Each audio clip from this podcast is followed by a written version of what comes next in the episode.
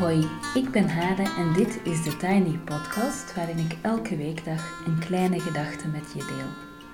Vandaag is het dinsdag 25 augustus 2020 en de kleine gedachte gaat over intuïtief ondernemen en het is deel 1 van 3, want ik maak er een reeksje van. Vandaag zoom ik in op marketing. Toen ik net gestart was als ondernemer, heb ik meteen een aantal boeken gekocht over marketing. Ze liggen hier nog steeds. Bijvoorbeeld het boek Lanceer je bedrijf. Dapper ging ik aan de slag. Mailinglijsten, website, contentkalenders. Met behulp van onder andere een marketingadviseur adviseur, sorry, zette ik een aantal dingen op. En dat ging prima en was ook nodig. Uh, en dan bedoel ik een website, uh, een mailinglijst, uh, nou, allerlei dingetjes die je toch wel nodig hebt. Een tijd lang had ik een contentkalender en postte ik wekelijks voorgeprogrammeerde artikeltjes uit een bepaalde categorie met tips en tricks. Maar het verwaterde, want het was een trucje in plaats van dat het vanuit mezelf kwam. Fast forward. Ik koop een online cursus over marketing omdat ik al een tijdje denk, ik moet mijn publiek toch echt uitbreiden. Het hele systeem is automatisch. Kopen, mailtjes die automatisch in een bepaalde volgorde op me afgevuurd worden, filmpjes die in mijn inbox belanden, uh, allemaal automatisch gegenereerde dingen. Slim. Fast forward. Ik kijk naar een filmpje van een niet nader te noemen vlogger op Instagram die trots toont hoe ze alles geautomatiseerd heeft, zodat ze niets meer hoeft te doen en mensen gewoon van haar weggever in haar programma terechtkomen, natuurlijk via de betaalknop, en vervolgens ook weer een reeks automatisch ingestelde mailtjes krijgen. Ik heb geen weggever. Ik heb geen automatisch ingestelde reeks mailtjes. En soms denk ik dat ik het moet maken. Het zou me een hoop tijd schelen en het komt vast professioneel over. Maar wat heb ik er zelf aan als ik een muur optrek van automatisch gegenereerde dingen tussen mij en mijn cursisten? Ik moet vaak denken aan het leuke boekje van Connie Palme, Echt contact is niet de bedoeling. Dat is daar de titel van. Bij mij hamert het omgekeerde. Echt contact is de bedoeling. Net zo min als ik slachtoffer wil zijn van een automatisch gegenereerd e-mailbombardement, wil ik anderen op dezelfde manier bombarderen. Ja, ik stuur een maandmail en ik zet af en toe een cursus in de verf. Maar ja, ik geef ook mijn uh, persoonlijk nummer aan mensen, zodat ze kunnen appen als ze bepaalde vragen hebben bij een cursus. En ik heb ook bij mijn online cursussen meetings, uh, waar ik dan heel vroeg voor uit bed kom of laat voor opblijf, of waarvoor ik dan oppas neem, zodat ik uh, op een bepaald uur uh, s'avonds nog hier op mijn kantoortje die meeting kan faciliteren. Um, en ik heb die meetings omdat ik weet dat veel mensen het moeilijk vinden een online cursus vol te houden als er geen contactmomenten bij zitten. Ook al zal het natuurlijk duizend keer makkelijker zijn om mensen door zo'n tunneltje van automatisch gegenereerd materiaal te jagen en zelf uh, intussen thuis op de bank te zitten. Voor de cursussen waar ik geen um, meetings bij heb, die, die heb ik ook, um, daar heb ik appgroepjes bij. Uh, zodat de deelnemers, zij mogen dan kiezen of ze daaraan willen deelnemen of niet. Uh, maar als ze dat willen, kunnen ze contact met elkaar hebben en met mij over de cursus binnen dat appgroepje. Laatst liep ik over straat en een mooi opgemaakt meisje liep langs me, pratend tegen haar telefoon. Ze was zichzelf aan het filmen en ze was duidelijk een filmpje aan het opnemen voor haar volgers. Ze zag niets van de omgeving en ze knipperde bevallig met haar ogen en ze hield haar hoofdje schuin en ze praatte met een leuk stemmetje. En ik dacht alleen maar, zijn we met z'n allen gek geworden of zo, dat we dit normaal zijn gaan vinden? Nu denk ik, ik zie zelf ook heel veel van die filmpjes voorbij komen op Instagram vooral. Um, en ik denk dat als je zo'n filmpje ziet vanuit het perspectief van de kijker, dat dat iets normaler lijkt. Maar als je als buitenstaander iemand zoiets ziet opnemen, op straat wandelend, um, nou ja, dat, ik weet niet hoe dat jullie dat zouden ervaren, maar ik vond dat echt ontzettend uh, vervreemdend. En dat was echt een moment dat ik even dacht van, ja, hoe is de wereld nu geworden en wat vinden wij op dit moment nu normaal?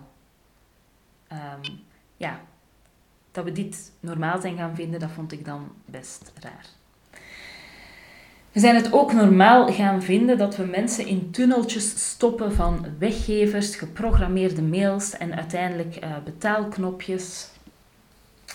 En ik vind het eigenlijk ook echt heel raar dat we het normaal zijn gaan vinden dat je cursisten kan hebben die iets van jou willen leren, maar wiens naam je alleen voorbij ziet komen in het overzicht van de betalingen die er gedaan zijn. Als je al zelf naar dat overzicht kijkt. Want ehm, omdat ik een beetje de achterkant van het ondernemen natuurlijk ken, kan ik me ook heel goed voorstellen dat je niet eens ehm, die individuele betalingen hoeft te bekijken. Dit klinkt misschien alsof ik een of ander strak alternatief heb en dat heb ik helemaal niet. Ik heb geen alternatief systeem. Ik probeer gewoon echt contact te hebben met mensen en dat gaat met vallen en opstaan. Bijvoorbeeld mails consequent beantwoorden vind ik moeilijk, dat kost ontzettend veel tijd. Ehm, ja, en gaat echt ten koste van diep werk. Dus mails vind ik complex. Uh, daarom geef ik mijn nummer ook makkelijk aan mensen, omdat appjes vaak makkelijker uh, lukken. Tot en met dat ik ook vaak iets inspreek voor mensen uh, als ik iets genuanceerd wil um, ja, reageren op mensen. Um, ik vind het ook heerlijk om post te versturen met een handgeschreven kaartje om mensen bijvoorbeeld welkom te heten in een cursus. Ook al um, lijkt dat niet heel efficiënt en kost dat best veel tijd. Um, ja, je wil eigenlijk gewoon niet weten hoeveel tijd zo'n dingen kosten.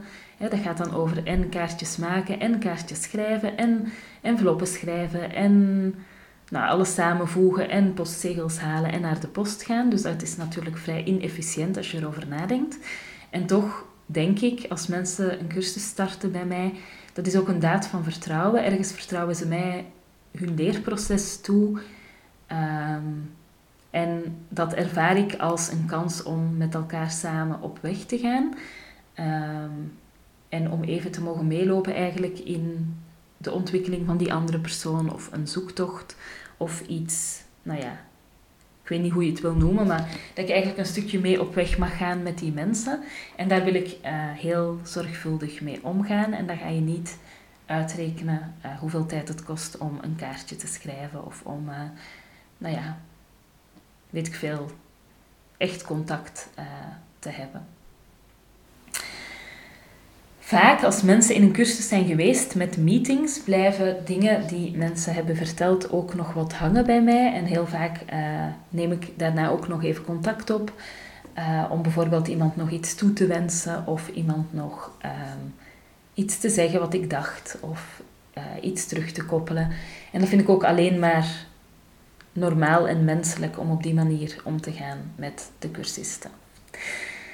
Kortom, ik doe maar wat. Ik weet het ook allemaal niet uh, heel goed. Uh, maar wat ik zeker niet doe, is dat strakke tunneltje uh, bouwen waarin mensen um, verdwijnen.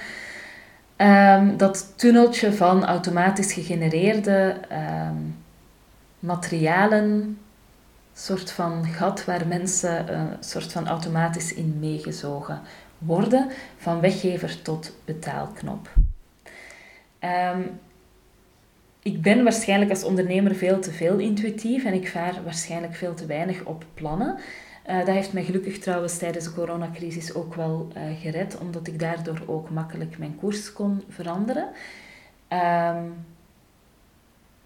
ik ben waarschijnlijk veel te intuïtief, dat geef ik ook helemaal toe, en veel te weinig planmatig.